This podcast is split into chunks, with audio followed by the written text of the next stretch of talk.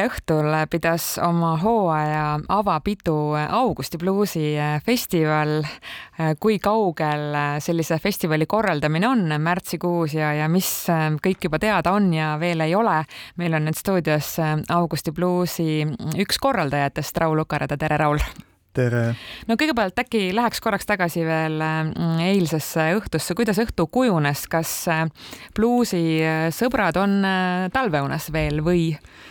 Ei ole, päris meeleolukas õhtu oli ja, ja kõik kulges nii, nagu tavaliselt sellistel üritustel kulgeb, me oleme neid teinud juba päris mitu tükki. Kompromiss Blue oli äh, ka laval ja kui ma saalis inimesi äh, vaatasin, siis äh, tundus, et kompromiss Blue ei vanane kunagi, ta toimib alati. No ma tänan komplimendi eest, et seda on rõõm kuulda, noh jah eks äh, võib-olla sellepärast, et meile väga meeldib teha seda, mis me teeme ja siis ähm,, siis ju silm särab ja, ja, ja see ongi põhiline kui sa vaatasid seda publikut, äh, muide, see toimus äh, Tallinnas Rotermannis äh, Chicago klubis, kas ainult mulle tundub, et need inimesed on tegelikult ikkagi üks kindel seltskond, kes on olnud Augusti bluusi fännid juba, juba pikki aastaid, et ega seal naljalt vist selliseid inimesi ei olnud, keda näiteks korraldajad ei teadnud? no tegelikult ikka oli, ütleme nii, et natuke sa liialdad, ütleme, et jah, et selline tuumik võib-olla tõesti on jah, aga, aga Augusti bluusil ikkagi käib ju tuhandeid inimesi, et äh, Chicago kahjuks ei mahuta nii palju rahvast. Aga selline tuumik, kes alati nendel äh, üritustel kohal on, äh, oli ka eile kohal ja sellest on ainult suur rõõm, tegelikult äh, on hea mängida ka, kui saalis on inimesed, kes nagu on tulnud spetsiaalselt sinu pärast ja sind äh, nagu tingimusteta toetavad, et kui on täitsa võõras publik, et noh, siis sa pead kõigepealt kuidagi hakkama ennast neile tõestama, aga kui on vanad sõbrad, siis on palju lihtsam.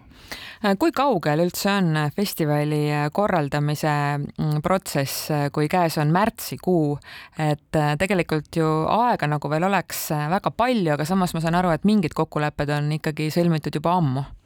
no tegelikult ikkagi aega enam ei ole üldse e, noh, suurem osa kokkuleppeid sõlmitakse tegelikult juba ikka no kõvasti rohkem kui pool aastat ennem. noh, tegelikult hakkab meil iga järgmise festivali korraldamine kohe pärast festivali toimumist.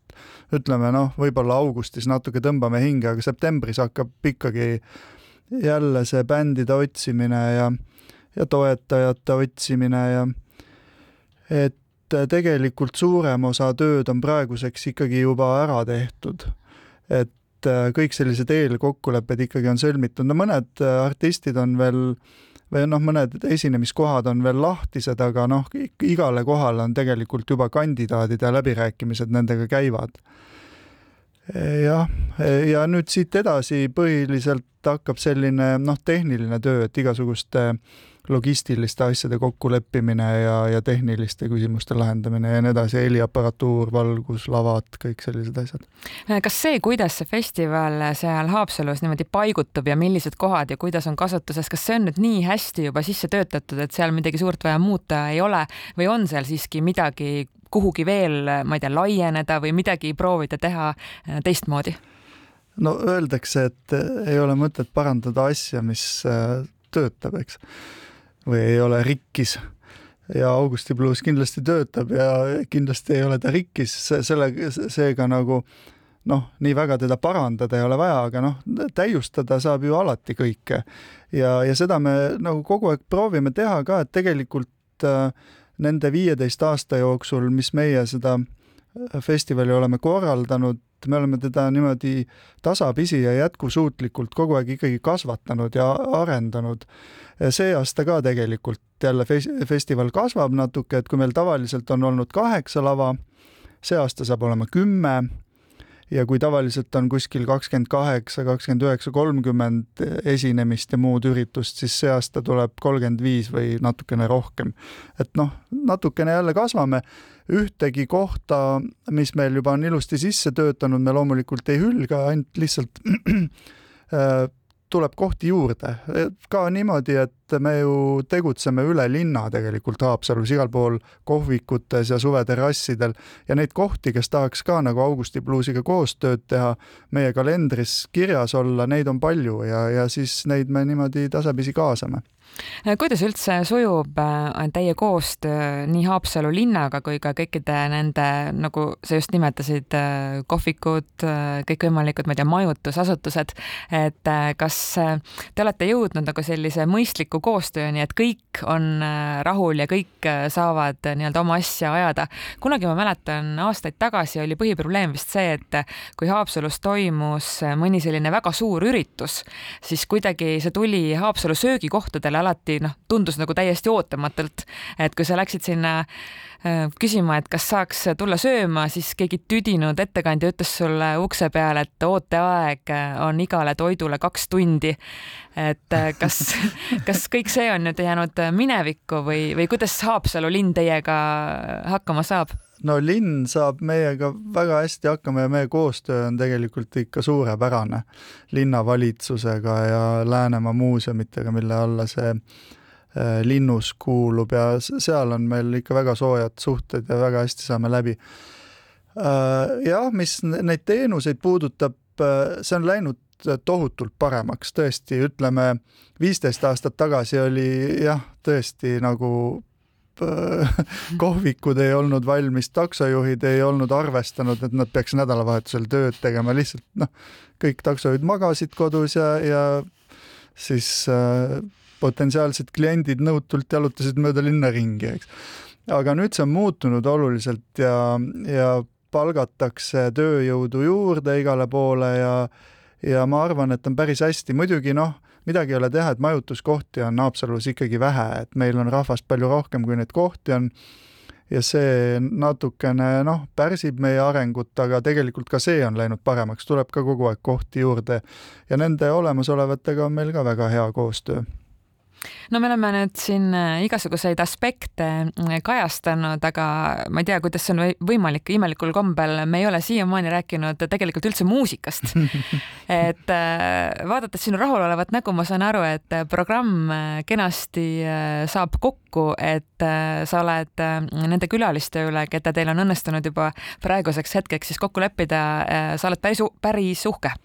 jaa, olen, olen muidugi. jah no eile kuulutasime välja kakskümmend üks esinejat, et umbes viisteist tuleb veel, aga üle poole on juba selgunud. ja seal on jah, nagu tavaliselt äh, esinejaid Ameerikast, mis on ju teatavasti bluusi sünnimaa, Euroopa igasuguseid põnevaid tipptegijaid ja loomulikult meie oma kodumaiseid koosseise ka, et selliseid püsikoossseise Äh, kes äh, aastaringselt tegutsevad ja, ja noh, mis võib-olla kõige põnevam, on selliseid ühekordseid eriprojekte. et see aasta võib-olla neist kõige selline eksklusiivsem või põnevam on äh, Mihkel Raua debüüt bluusilaval räägi natukene selle konkreetse koostöö taustast ka, et, et kuidas see ikkagi käib, et kas äh, Mihkel nii-öelda käis sulle rääkimas, et tal on ammune soov äh, sellist asja teha või tuli see idee ja algatus hoopis teie poolt või, või kuidas te selleni jõudsite? no tegelikult see tuli minu poolt ja ma olen talle rääkinud seda juba mitu aastat. ja, ja noh, tegelikult tal ju vahepeal oli siin periood, kus võib-olla muusika ei olnud tal üldse elus nii esiplaanil. aga nüüd paistab, et muusika järjest olulisemaks on muutunud tema elus ja ja kui ma talle seda asja eelmine aasta nii mingisuguse muu jutu sees mainisin, et kas äkki kaks tuhat kakskümmend kolm võiks midagi mõelda, siis ta haaras sellest kohe kinni ja ütles, et kindlasti teeme. ja natuke läks aega, et nagu välja mõelda, et mida ta seal teeb ja, ja siis nüüd oleme jah, juba kokku leppinud asjad. kuidas muidu üldiselt varasematel aastatel need sellised nii-öelda mitte bluusartistide äh, lavale toomised on läinud, et kas nad on pigem olnud sellised nii-öelda huvitavad või on vahel olnud ka selline tunne, et äh, pagan, et ta tunneb ennast ikka päris mugavalt äh, selles žanris? no on olnud, ütleme nii, igasuguseid variante. noh, ütleme, et minu jaoks on see selliste bluusikaugete inimeste bluusi juurde toomine nagu noh, mõnes mõttes nagu mingi elumissioon, eks. ja, ja mulle nagu meeldib seda teha ja ma pean seda ülioluliseks ja ma äh, niimoodi vapralt talun iga aasta sellepärast selliste bluusipuristide torkeid minu suunal, et jälle mis see... mõttes Taukar laval? ja, ja just nimelt, noh, no Taukar veel, temale isegi halastati seal, aga mõni teine on saanud ikka seal korralikult puid alla ja noh, eriti süüdistatakse mind, et mina seal sellel lasen sündida. aga tegelikult on ju bluus äh, noh, selline universaalne muusika, sellepärast et et noh, peaaegu kogu popmuusika tegelikult on sealt alguse saanud, et noh, kogu meie popmuusika, nii nagu me seda tunneme, juured on bluusis ja džässi juured on seal ja no bluus on põhimõtteliselt noh, meie selline popkultuuri nagu täiesti vundament, võiks öelda ja, ja aga noh, paljud inimesed nagu ei tea seda ja muusikud samamoodi, et äh, enamasti need muusikud, kes tavaliselt bluusi ei tee siis Augusti bluusil äh, noh, nii-öelda on seda sunnitud tegema või noh, mitte sunnitud, aga hea meelega seda teevad, siis nad avastavad nagu mingi täiesti uue maailma ja see hakkab neile meeldima. ja noh, ülihuvitav on ju publikul ka vaadata neid äh, inimesi tegemas midagi, mis nad tavaliselt ei tee, et noh, ma arvan, et see on üks väga hea asi ja selle kind-, sellega me kindlasti jätkame nüüd on meile ka võimalus äh, siia intervjuu lõppu ka kuulata üks tükk äh, muusikat, mis tuleb siis ühelt sinu kutsutud külaliselt ja ma annan sulle võimaluse ka see muusikapala ja ka see artist siis nii-öelda veidi põhjalikumalt sisse juhatada, et kes ta on ja, ja miks? ta on Tommy Castro Ameerika lääneranniku üks olulisemaid bluusitegijaid kes juba umbes kolmkümmend aastat on selles äh, maailmas noh, väga hinnatud olnud, igasuguseid auhindu võitnud.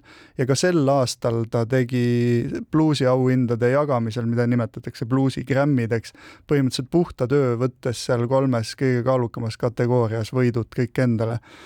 et selline väga staažikas ja ülikvaliteetne ja väga stiilne tegelane Tommy Castro kuulame kohe teda, Raul Ukareda, suur aitäh Kukusse tulemast! aitäh kutsumast!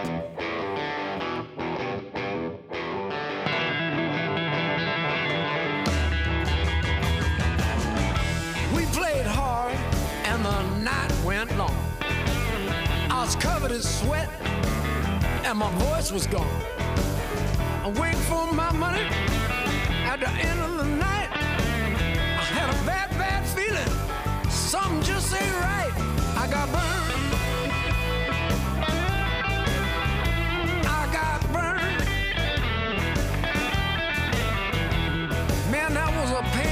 lesson to learn.